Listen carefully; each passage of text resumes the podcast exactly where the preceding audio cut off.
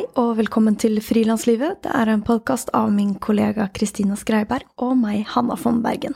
Vårt mål med denne podkasten er å være en faglig og inspirerende kanal for alle som jobber for seg selv i medie-, kunst- og kulturbransjen.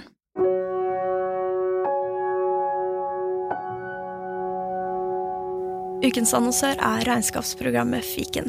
Jeg har brukt fiken i mange år nå, lenge før denne podkasten. Og grunnen til at jeg liker fiken, er at jeg kan eh, gå inn i nettleseren og så logge meg på, og så kan jeg trykke 'jeg har solgt noe' eller 'jeg har kjøpt noe'. Jeg kan også skanne kvitteringer med en app som sender de direkte inn i programmet, og hjelper meg med hvordan jeg skal utgiftsføre det, hvilke konto jeg skal skrive det på. Det er enkelt, og det er deilig. Så takk, fiken. Du kan prøve gratis i 30 dager på fiken.no. And this episode will be in English because our guest, Derek Brazell, is from the UK. And Derek is a writer and project manager at the Association of Illustrators in the UK. And we are recording this episode in a meeting room in Grafil, which is an interest organization for those studying and working within the fields of visual communication in Norway. And Derek is here because he gave a talk about licensing and pricing your illustration commissions, and that is also the topic for today's episode. And Derek Brazell is highly knowledgeable about the topics of pricing, licensing, client negotiations, and contracts, and he's the co author of the book Becoming a Successful Illustrator.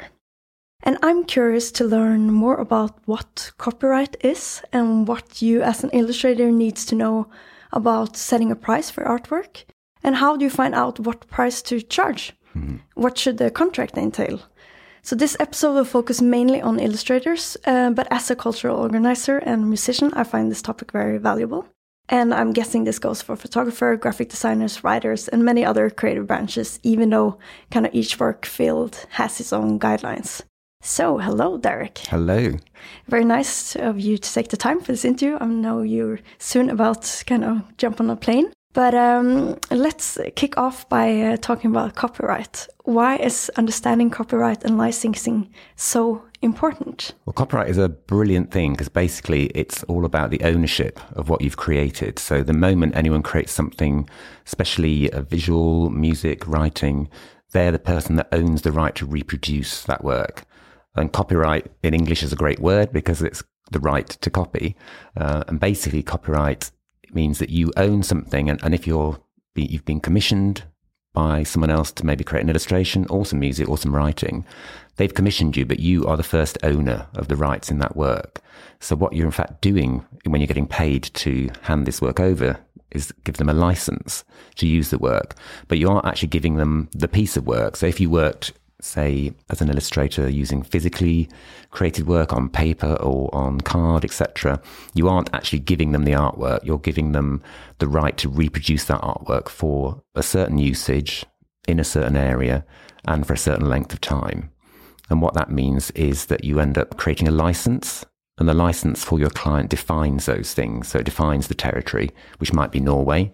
Uh, it defines the usage, and that might be the front cover of a brochure for a product or something, um, and the time period. So maybe that might be one year, but obviously all this can vary, and that's what's useful about a, a license is that all those three points, the territory, the duration of the license, and the usage, vary across different elements, um, and that affects the fee.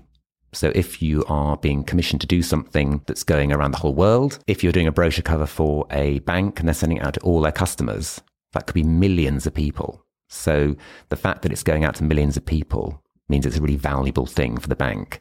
And therefore, the value for the illustration that's being used for that has to equal that level. So if you did a small brochure for a local hairdresser who was doing just wanted to send some leaflets out in the local area, the value of that is going to be less than a bank. So these things vary. Mm. And we will kind of get into even more about kind of what factors influence how you should think about kind of pricing. Yeah. So you always own, as an illustrator, you own your own artwork, or as a musician, or different uh, kind of creative creatives. Um, but what does copyright not include? sort of includes everything really because as the creator you are that person that owns absolutely everything about it and if somebody uses your work without your permission they can be infringing your copyright So it's a legal right. Um, in the UK, it works as a property right. Uh, so it's something you own. I, I, believe in Norway, it's more of an intellectual right, uh, which is possibly more valuable. And I know it changes slightly around Europe that it's an artist's right or a human right as well. But it is basically the foundation on which you make your money because if you didn't own the rights, then other people, you could create something and anybody else could just start using it without your permission mm. and you wouldn't make any money out of it. Uh, how is it about kind of your ideas or if you, you have a specific way of doing things? Is that kind of what is within the copyright and what is not? Yeah. So an idea, obviously ideas can be found by different people or created all around the world in different in different times, different places, and you can't really have ownership of an idea because it could be anybody else thinking of the same thing. And it does happen that same people in different parts of the country or across the world have the same idea. But it's the expression of the idea that is where the copyright lies. So it's the way that an illustrator might put down their idea as an image, and then within that image, that's where their uh, the copyright resides. So that's how they control it. Um, also, copyright doesn't really protect style. So if you create, well, as all illustrators do, create an image in a quite specific way, or the way their work looks, their visual voice, that work isn't particularly protected that way, sadly. But again, it's understandable. You can't really have control over the way something looks because that would be impossible to police. You wouldn't be able to sort of control that. And occasionally you do find artists copying each other. And unless they're exactly copying something, um, there's not very much the original person can do about it. Uh, just be angry. yes. no one's happy about that happening. There is this little copyright symbol, which oh, yeah. uh, where like people have probably seen this uh, around on the internet or physical books. Yeah. And uh, is that do you need to have this copyright symbol on things you make for it to be yours, or what? What is kind of the point of the symbol? Yeah.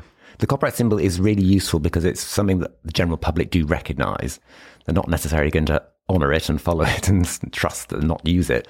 Um, but it's a symbol that people recognize, but it isn't something that you have to put on all your work because copyright exists the moment you create something. It's automatic. So it's there straight away and it's a legal right. So it's a, you know, as we said, it's got great value as something that you benefit and make your money on the back of. Um, but it doesn't need to be there in front of people all the time. And in the same way that you wouldn't always sign a piece of work, you don't always, you don't need to put the copyright symbol. But we do say sometimes maybe if you've got a website, if you've got a, a blog using all the time, it's not a bad idea to put at the bottom, say, you know, all artwork, copyright, your name, just to remind people that actually you are the owner of, of this work. Um, so it more educational purpose. Uh, yeah, it does. It does help. Cause I think I think one of the issues with copying stuff on the internet is all children in school are encouraged to just find pictures and take them and use them off the internet. And then no one tells them when they leave school, actually, you can't keep doing that. It's not supposed to be that way. Um, but having a copyright symbol just reminds people that it's there and that it's something to be hopefully respected. Um, but it isn't absolutely necessary. Uh, in America, this, it's slightly different where copyright exists but you also can register it, which gives you stronger benefits in terms of your work maybe being infringed and you going to court. You have to have had the work uh, registered to benefit properly from uh, payments, recompense for your work being copied. And you have to pay for that to register it. So we're quite lucky in Europe that we don't have to do that, that actually the copyright is a good solid foundation straight away.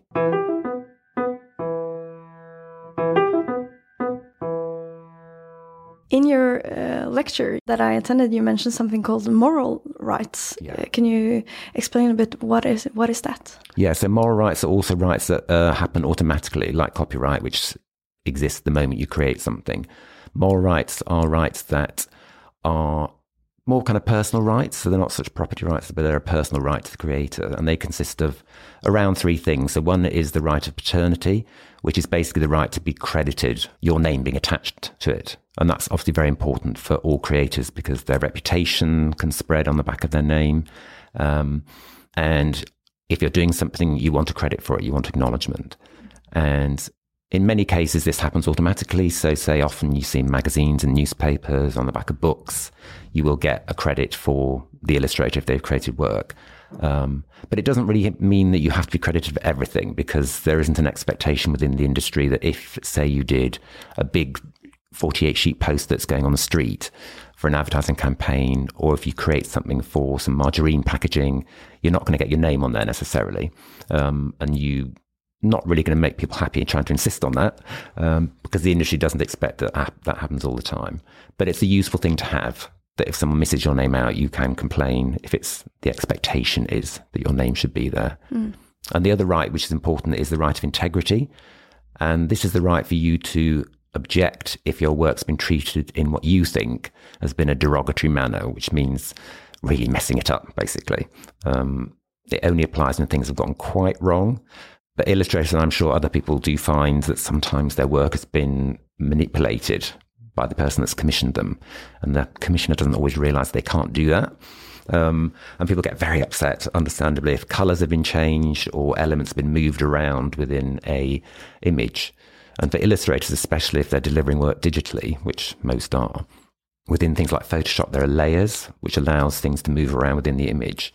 And I always recommend to people don't give the client an open file, which means they can start moving things around mm. um, because they love doing that. You know, oh yeah, just move that tree here or that dog over there. Um, you know, it's the illustrator's vision, and that should be respected. The you know the integrity of their vision. Mm. So that's a really useful right. Yeah. That makes sense. How do you think the industry has changed with social media? Do illustrators experience lack of control with kind of the expansion of sharing and co reposting? And mm. yeah, I'm, I'm guessing people are not great at kind of crediting either. No, no, they're not. And this affects photography a lot, I think. I think, or maybe almost photography is sort of copied. You right click, copy, paste somewhere else, even more so than illustration. Um, and we're living in such a visual age, and especially things like Instagram, where which are platforms that exist really to show images, and Pinterest, which is just one big copyright infringement because no one, no one's given permission for that to be put there. Um, but it, it's it's a great opportunity because obviously for visual artists want to get their work out there, they want it seen, and to a point you can't really avoid social media if you want to be commercially successful in in getting your work out there. But that's there's a balance there between recognizing that sometimes it might be copied and put on things um, against the fact that you are trying to get your work out there in front of potential commissioners. So it's a tricky one, and sometimes work is copied and used, you know, commercially, which is pretty bad. If you find that out, obviously you can start challenging that. Um, a lot of time, it's people just saying, "I love your work. I want to put it on here." But yes, you're right. If they don't credit you, then your name becomes detached from that image and it becomes an orphan work. So it's mummy and daddy are gone. Yeah. Um, and it's just floating there with no one, no one knowing who created it. Uh, and I don't know what the solution is to that really. It's, um, it's difficult, especially when a lot of social media strip out the metadata, the file name on, on images. So if you put something on Facebook, for example, take it off again, the file name is just a string of letters and numbers. And if your name was on it before, it's now gone. Uh, so that's kind of an awkward scenario, which we hope in the future might change. Yeah. On the lecture you had, there was also a question about kind of when can you, as an illustrator, post something on social media. Uh, if you've been commissioned. Yeah, if you've been commissioned, somebody's been paying you to make this artwork, and yes. then you put it out there because you're like you proud and so want to say, show it. What I'm doing, yeah, that yeah, that really worries me sometimes because I do see work on social media saying, "Here's this book cover I've been working on. It's coming out next year," and you're going, "Oh my god, no! you must not show this work." Before your commissioner has released it to the world, because uh, you know it's it's so important. They want to have a moment when they say, here it is, bang, if it's uh, an advert or if it's a, a, product or if it's a book, anything, you know, a CD cover, well, not CD, digital cover. Um, it's tempting, of course, to show roughs and to then say, here's the finished artwork. But we really encourage people not to do that because obviously as the client can be very unhappy about it. Mm-hmm. and you're giving them an exclusive license. Most illustration work is exclusive to the client which means they're the only person allowed to use it. And if you jump ahead of them releasing it they've kind of lost some of the the quality and value of their product which is not a good place for them to be in. No definitely not what are the main things you need to know before setting your price? Kind of what big factors influence um, how you should think about pricing? Yeah, there's three main ones. And I just touched on them before, but basically, you're looking at the territory of where your work is going to be shown. So that could be one city if it's an adverts in a city, but if it's going online, it could be for the whole world. Then the usage. So what actually, you know, how big is your picture on that poster, say, um, and or where is it going on an app or is it going on a web page? Is it the whole page? Is it a small image? So it's usage, but also how it's going to be used. What size will it be on a product or on a page? Because the fee will be different. If something, say you designed a label for a, a new beer bottle, if it's just a small little image on the label, then your fee will not be as large as if it's a whole wraparound, if it's a, a big image. So these things play a factor. And then also the time limit. How long is this artwork going to be used for? So the duration of your license. And lots of things aren't for really, you know, sort of long periods. So an advert might be just for six months, maybe a year if they're going to show it a lot. Um, packaging could be, say, three years, maybe five years, because everything in our fast turnover world is always being sort of redone, of course. Um, one of the longest periods of, of licenses is with children's books, for example, and sometimes for book covers. And that can be the period of copyright, which is 70 years from the end of the year that you die. So it's a really long time period. Um, and if you become an amazingly successful children's book author and illustrator, then, and the work survives beyond your death, then your descendants or the people you're leaving your money to in your will will be able to profit from the royalties, so the payments you might be receiving for sales of the book. So it's great having that right for things to last a long time. Um, but mainly it, it's publishing that has that time period. So it's those three things, territory, duration of license and the usage, but then also the size of the client. So if, say, we think about a bank again or um, an internet service provider, a large company, especially if they're global, or all of Europe, for example, then you are definitely looking at a more substantial fee because the value is so much higher. They're going to be using it a lot. The audience is going to be bigger. And it's very useful sometimes to think about what the audience is for something because the audience can be quite a narrow focus on something, or it can be just anybody who's walking past in the street, like you would do for a massive poster in the street. So it's the size of the client can be really influential. Okay, so territory, duration, usage, yeah. and client. And size of client. So when you're pricing something, there is those three main factors and the size of the client, but there's also soft considerations. And we use that term because they aren't the hard facts necessarily. They're elements around the work. And this could be something like have you got a large social media following? Uh, we're increasingly seeing in the UK that clients are interested if an illustrator has got a large following. So you've got 100,000 people following you. And it's um, it's interesting that this has moved from I suppose your Kim Kardashian style people who are influencers and driving products if they're featuring them. And with illustration, I suppose with other art forms as well, clients are hoping that maybe a percentage of the people that follow you might buy this product if you are doing the illustrations for it. So that's something you need to recognize because it's a monetizer. And if you have got a big following, that's something to monetize. Though I'd never say to people, go out and make sure you have enormous following because that's a lot of work. And we don't know how people do that half the time. But other things that I found really interesting that people don't often recognize in what they're doing is that a client might be approaching them, yes, to produce artwork, but also because there's some authenticity behind you as an artist in what you're doing. And I spoke to an illustrator a while ago and she does a lot of work based on LGBT work, and she you know, she is from that community. And she'd been approached by a large uh, vodka brand to do something for Gay Pride in, in the UK. And she was, you know, she was interested in doing it and she thought, yes, of course, you know, I do this work. But also they kind of wanted an element of her because obviously she has an authentic voice and they want to tap into that and that benefits them as well. So I think something like that does influence the fee. If you are somebody who's got a very specific approach to things and also the genuine person that you are, that can be something that also factors into the fee. So I would say that adds value to the project. And I was talking to her about this. She hadn't really looked at it that way.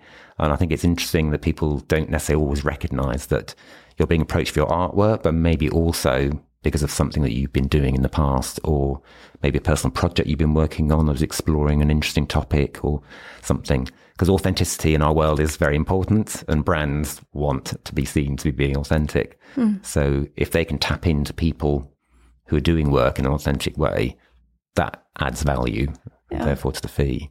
So, and, yeah, and another key consideration could be for this, for a soft consideration, is are you being expected to do some research? Is there any development going on here? Um, you know, have you got to do some traveling to maybe to a library or maybe to get reference for something that is not available online because not everything is available online. So if you are having to do research, if you're having to think about something and analyze it, maybe again, there's an extra value in that, and that should be reflected in the fee that you're you're going to be receiving, hopefully. So do think about those sort of extra elements that might not be obvious from the duration of the license, the territory, and the, the time period they're using it for.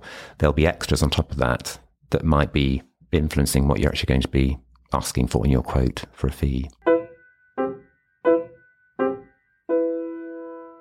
Let's talk a bit about client negotiations. So it's very useful to have this kind of uh, big um, framework to think about with mm. usage and territory, and and then you look into your e email box, and there you have an email from a possible client, yes, which say, "Hey, I'm doing this festival, and uh, we kind of we need you to do the poster, yeah, um, and maybe we're going to use it for something else we're not sure yet."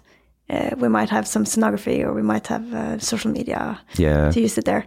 Uh, what would kind of your response be to the illustrator receiving this email? Yeah, because this happens quite a lot. So, so, so, we want this, we want that, maybe the, maybe this. Just give us a ballpark figure, um, and that is an impossible scenario, really.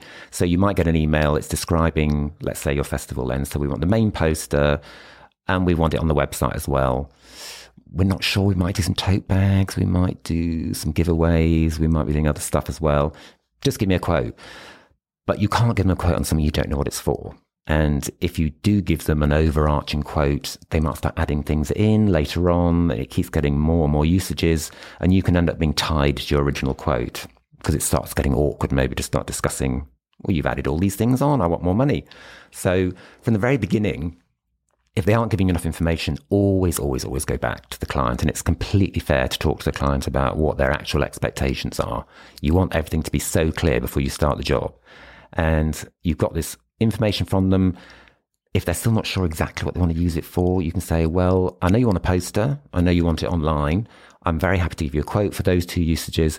And of course, you can come back to me later if you want to use it on tote bags, if you want to do it on giveaways, on caps, on t-shirts.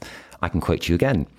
And that's the great thing about licensing that actually you can keep adding things onto it. So you're going to want, want to make money from your festival image.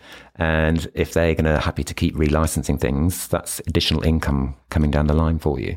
So it can be really useful, but it is all about getting the right information from your client to be able to quote and not being caught out in a situation where you find that you're tied into something you said a while ago for covering quite a few things, but you didn't realize quite how big some of those things were going to be. And research is a really important element of, of how you start thinking about your fees because they influence all those different areas.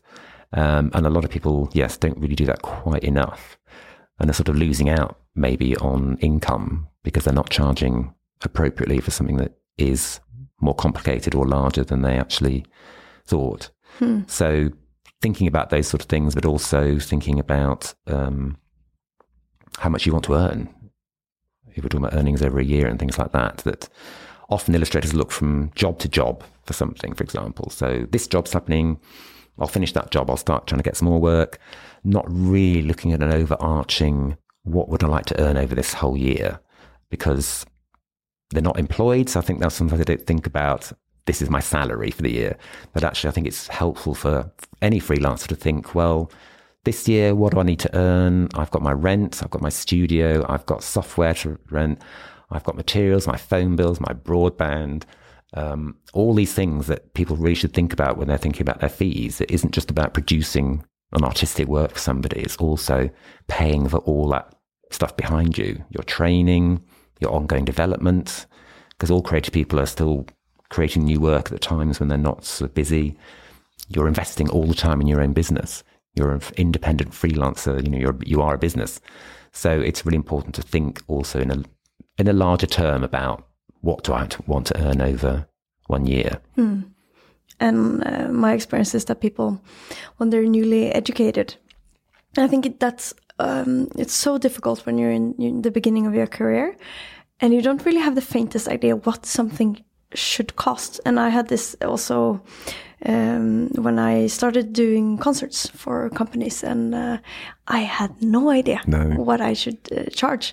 And uh, it's really, really difficult because you might also want to do it for quite a low amount of money because you don't really have that much to show and you want experience or you might even want to do stuff for free because you want to build a portfolio or Yeah. kind of fresh out and um, what kind of things should you consider when you're in this uh, level the quite a n- new beginner Yeah, and it happens, I think, across so many areas, like you say, across so many areas. It is, you know, not, not just the visual arts, because there is competition out there, and people are aware that there's other people doing similar work and things. But my, I'd always recommend that, you know, especially if you've if you've been to university, you studied this thing, you've put a lot of money into that, you've invested time and energy and effort, and you're leaving and you're saying, okay, I'm a musician, I'm an illustrator, and I think it's really important to think from that minute you are on a professional standing. You've chosen that to be your profession, even if it's not where all your money comes from, but you're still saying, this is what I do. And it's so tempting, of course, to do things for nothing because you want the profile, you want exposure. And clients will suggest that to you. It'd be great for your exposure if you do this for nothing. Um, we'll pay you next time, but they won't pay you next time. They'll go to the next person who'll do it for free. And this is sort of it. It does undermine the whole industry, and it's it's quite difficult. You, it's I understand that people want to do things for free or would do something for almost nothing because it's especially when they start out, it's so important for them. But if you want to be a musician or you want to be an illustrator, you want to earn further down the line. You know, you want to make some money out of it, and so offering to do things for free at the beginning undermines your future earning potentials, maybe because you're actually whittling away at the whole bottom line for everyone who's working in that same industry. And not to put too much moral pressure on, on that, really, but it's worth just thinking that what I'm giving people has got value. The why they want me to do a concert or why they want me to produce this illustration is because it's doing something for them. It might generate money for them. It's making them look good. It's enhancing their profile. And it could do that a bit for you, but it's doing more for them probably than it is for you. And just saying, oh, well, we'll talk about you on social media and things, that's not really enough because that isn't going to guarantee any other gigs or any more money coming in for other, other commissions. So I'd always say try to get something, even if it's a token amount. I mean, always something, but make them acknowledge, make the person asking you to do something for nothing almost acknowledge that what they're asking for has got value. And if you do end up doing something for nothing, with very good reasons for doing that, of course, you still want to issue paperwork and things, especially if you're, I think even if you're a musician, but also if you're creating visual art that's going to be used for something, that you still do a license. So the license is for usage on this poster for a gig, and the value of this poster would be X amount of krona, but I'm discounting it to nothing. So you're showing that your the value is still there, but you're very kindly, for your good reasons, um, offering to do it for zero, uh, so that they have to acknowledge and recognize that they're getting something that has got a lot of value attached to it. I think that's really good advice. And also, even though it's a contract for zero amount of money, which might feel a bit weird to do a contract for, is still this uh, duration and kind of usage rights and all these other elements Yeah. uh, in it, which they might to do the same. You know, if it's a festival, the same festival the year after with the same kind of profile, but change the dates, and then maybe it's different. So it's still very valid with all these other um, elements to the contract. And Yeah. as you say, really for the client to understand what it should cost. Because I think a lot of freelancers in all creative fields really need to educate their, their clients and customers because um, Sadly. often they don't know what it should cost. No, they don't a lot of the time. I think they're very experienced, they've had they've worked in a similar industry for a long time. They've got a they've got an idea of what they want to spend. They often have a budget, um, but obviously they're hoping that if you quote below their budget, they keep that extra money that's hanging around there for Yeah. uh, for illustration. And and people do use tactics like, oh, we're looking at several other illustrators. Can you give us a quote on this? But we are looking at some other people, and obviously with the implication that you better come in quite low so that we can choose you but it's worthwhile never paying attention to that really because it might not be true for a start. They might just be looking at you and they're doing it to try and drive your fee down. And you might think, well, what if the other people drive their fees down? But how far do you take that? It's impossible to know what other people will do in terms of charging. And hopefully they've got in touch with you because they love your work and ultimately you are the person that they want to work with. But you mustn't be afraid of losing a job ultimately as well. I think you can't keep driving your fees down in the hope that you'll get accepted for the commission because you want to, you know, you have respect in your industry and you, you've got all these skills. They are really worth something. Mm. And you're never going to get every job that you're approached for. It can be quite upsetting if you lose something, but it might not really been in your hands anyway in the first place. Mm. So kind of be prepared to lose a job now and then.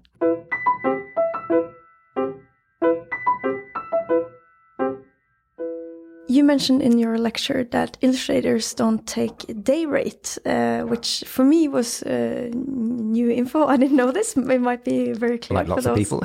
yeah, for those working with it, but it's different for maybe journalists and writers and uh, yeah, which field you're working with. Yeah, can you tell a bit why why never to kind of or maybe it's hard to say never, but why isn't this a common estimate of I'd day say, rates? Yeah, it's nearly never. And as we've talked about, the industry standard, and is a standard because it's been happening for decades, is that illustration and, and photography, so the visual arts are certainly based on uh, the territory, the duration of license, and how the images can be used. And what we are seeing nowadays is people getting approached by commissioners saying, "Well, I've got this project. It's a poster for a festival. Uh, what's your day rate to do it?" And if you're creating something visual, everyone takes a different amount of time to do something. So imagine you've got a fairly simple style. It's maybe it's quite conceptual, but you can get this done quite quickly. Your ideas come out bang, bang, bang, and you get them down on the paper. Um, looks brilliant. You've taken one day to do it. So your post, you know, your festival your poster could have your illustration that's taken you one day. And if you charge one day's day rate, that will not be enough for a festival poster. Um, but equally, you might have a very complex style that takes quite a long time to do. And so, say you've been commissioned by a magazine to produce a half page image, um, but you take four days, five days to do it. And so, if you added your day rate up, that turns it into quite a lot of money. Uh, but actually, editorial fees are some of the lower ends of what people achieve for illustration and there's no way they're going to pay you that amount of money. So that's a kind of a, these aren't all the reasons, but there's reasons in terms of how you create work that it's so different for each person that um, there's no way of kind of tying that down. Mm. And so if it's, once you start thinking about the usage, then actually how it's going to be used is going to be so influential on what your fee might be. Yeah, um, and it's no there's no link between kind of the amount of hours you put in and the value for the client. And sometimes you're if you've given a lot of time, I think with every creative person, you if you have the time to do it, you just fill the time up with doing the work. You keep revising and refining, and you with writing and things. That if you've got to do it in eight hours, whatever you write, it's that's what's going to happen.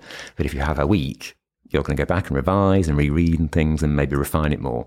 So I think with anyone if they have time, they like to have more time to be able to produce something that is, you know, the, the best they can do. I want us to talk a bit kind of uh, more specifically on the contract because that might be very hard for people to kind of start writing a contract mm. without knowing what it should entail. And uh, what are the biggest mistakes you see when people write uh, contracts? And uh, I think it's important to kind of mention here that everybody should write contracts, as yes. you said before, even though it's for zero amount of money, always do a contract. Yeah, exactly. And it's ideally you want a contract in writing because then you know what's happening, the client knows what's happening, and if anything goes wrong in the future, you've got something to point back to and say, this is what we agreed, you've done something else, let's talk about a fee for that extra thing you've done. But even if you get a commission that is, say it's got a really short deadline, you've got to do it for tomorrow morning, there's not really a lot of time to do paperwork. You want to make sure you go back to the client in writing with an email, for example, or mainly for, with an email. Um, and it's basically saying who is going to do what. So it's you are going to do this half page illustration for a magazine and uh, what you're going to get paid for it and the rights to have in that. So for how long. So it's the, a few basic elements that there is a, a trail basically of what you've both agreed to do. Um, a contract's going to be more um, details. It'll have a lot more stuff in there, but it's those basic elements of knowing that you're going to do this for them for a certain amount of money and the usage. Um, and that's, that's the basics of it really. But ultimately, you actually want a proper license. So you're detailing what we've talked about before with the, the duration, etc. And also, the reverse side of a contract, I do want the reverse side, but the, the, additional parts of a contract will be terms and conditions. So what is what you're agreeing to with the client or what you're saying the client will do for you. And uh, um, you want to say you own the copyright. That's obviously a good starting point. And there's lots of other elements that people don't really think about. And there's things like cancellation fees or rejection fees, because obviously no one expects anything to go wrong. You know, it's all going to be beautiful and smooth and fantastic. And most things are. But occasionally things do go wrong, and maybe a client decides they're not going to use illustration, they use photography, or someone leaves their job and they decide they don't want to go that direction anymore. They don't want to keep using you for this thing. And if it doesn't say you're going to get paid in the contract, if it's cancelled, then you don't get paid, which is quite hard to imagine. But actually, if something doesn't happen, unless it explicitly states in the contract you're going to get paid for it, then it doesn't happen. Um, and you have uh, uh, the um, Association of Illustrators have a template, which if you're a member, you can kind of uh, get yeah. access to. And I know Grafil also have uh, guidelines for what to include in a contract, and there's probably a lot of other resources in terms yeah. of templates. But I I found found it very valuable learning about this cancellation fee because that's something I haven't thought about, and also that that cancellation fee is in percentage uh, in connection to your three stages yes. of the work. And these stages, I would really like for you to explain a bit because that's also new to me. Yeah. Um, so um, hopefully to other people as well. Yeah, and I think it can apply to so many things because you might be booked for a gig, you've cleared time for the gig, you've rehearsed yourself, but so you haven't even done it yet. Um, so if it was cancelled, you know, you've actually invested in it already. And the same for creating a visual work. So we would expect even before you've started, if it's cancelled before you've started the work, we would hope you'd get around 25% of the fee that had been agreed because you've already invested. You've probably already invested time.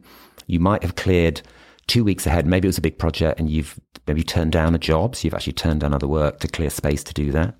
And so if you've, so yeah, if you haven't done it at all, 25% if you've started a job, you're doing roughs. Most illustrators um, create sketches to show the client so they can approve that. And yes, let's go forward to the finished artwork to color. Um, if you've done that amount of work, you'd expect around 33% because that's most of the ideas, actually, maybe even 50%, because actually most of the ideas are generated and the work goes invested into composing an image and the research we've talked about before. That's all in there already. Um, but if it's finished completely finished, you've delivered it, and they still they cancel it, uh, you want hundred percent. You want everything that you were promised for that because you've done it all in good faith. You've created this work, and you still should be recompensed for what you've done for it. Do you have any nice tricks for kind of uh, sentences to kind of that's good to include in the contract? Uh, yeah, so when you're writing a license something, it's you know it has to be very well defined because you don't. If something's been commissioned for, say, a website, you don't want to say the usage is online use because online use could be much broader than just their website. It could include social media, other areas they're kind of profiting from. And if you only define something in a quite broad sense in your license for the usage, it does mean that it can be used outside of that, which you don't want happening.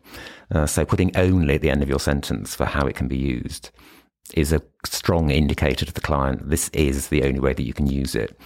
And again, if things maybe go wrong or they're used in different ways, you can come back to that and say, can I just remind you about what was in our agreement? And then hopefully discuss additional fees for things like that further down the line. And in with jobs, the general expectation when you're creating visual work you, you know, you create roughs, you talk, you, you do visuals for people. They give you a brief at the beginning, which is a description of the job, how they want it to turn out. You followed that brief, you've done it exactly right, and they're going, oh, can you change this? Can you change that? And you change that mm, can you change that too? You change that. They're just um, being difficult. difficult. And they haven't, often it's because they haven't really thought about it properly. And they think, yeah, we want a dog for this. And then, mm, actually, can you change it to a cat? Or maybe a mongoose? Let's do a tiger. um, all these things really showing they haven't thought about it and you're investing more and more time in it. And the general expectation in the industry is that you maybe do up to three revisions on roughs. You do changes, not change the whole thing, but different elements. So if someone actually starts saying, I want more changes. I want more changes. You can just politely say, it's great. I'm very happy to do more work, but obviously my fee is based on doing around three rounds of amends and we're going over that. So can we talk about an additional time fee that's covering this extra work I'm doing? So it isn't necessarily part of the license, but it's an, extra fee that you're getting for that. And occasionally with rush jobs, so most freelancers have to do work all the hours that are sent to them. Uh, if you're maybe asked to do something at eight o'clock at night or five o'clock in the evening for nine o'clock the next morning, you have to work all through the night. Uh, it's important to try and get a bit of extra money out of people for that. Of mm. course, they'll want you to work all night. You're a freelancer. Um, but it's always worthwhile trying to get a bit more money out of people for those kind of situations. So, say a client comes back, want to reuse the the artwork, you might need to change a bit. But what should you kind of charge in in terms of percentage of your original work? Yeah, your original fee. Mm. Yeah, and it can be really useful because often clients do want to extend something. For example, so imagine our festival; they love the poster so much they want to do the same poster next year what you'll be doing is you'll charge them a fee for this, but because the artwork exists already, you haven't had to spend time doing that artwork. You don't charge exactly the same fee as you did the year before. And what you can do is charge around 60 to 70% of the original fee. So they're getting it cheaper, but it's still a reasonable fee for you because it's still got the same usage. It's still advertising the festival. It's bringing people in. It's generating money for them. So they don't get it free for another year, but around 60 to 70% can be really useful for that. Um, if for example, they wanted to reuse the poster but turn it into a street poster, so an enormous thing that's going around the whole country. It's still a reuse, but of course, the fee for an advertising campaign is going to be higher than for just an, a small poster that's being stuck up around town, maybe. Um, so what we recommend there is that you think of what the original fee should be if it had originally been commissioned for street posters, you know, 48 sheet, big ones going around the country, and then reduce it by a percentage, which could be like 25% maybe, um, because the picture exists already. So you're giving them a usage, but it's slightly reduced because the image exists already. Yeah. Okay. That's very yeah, that's very interesting. It's actually it's much higher than I kind of imagined, which is very good. So I think it's uh, very valuable. All right, you need to run off. I do now, uh, I'm very thankful for the time. Oh, thank you for having me. It's been great talking being, to you. Yes, and uh, hopefully uh, a lot of you illustrators and uh, creatives that are out there learned a lot of new things today. Yes, we hope so. Okay, thanks, Thank. Thanks a lot. Vi vil gjerne takke Bergesen-stiftelsen og Kulturrådet for støtte til å lage disse episodene av Frilanslivet.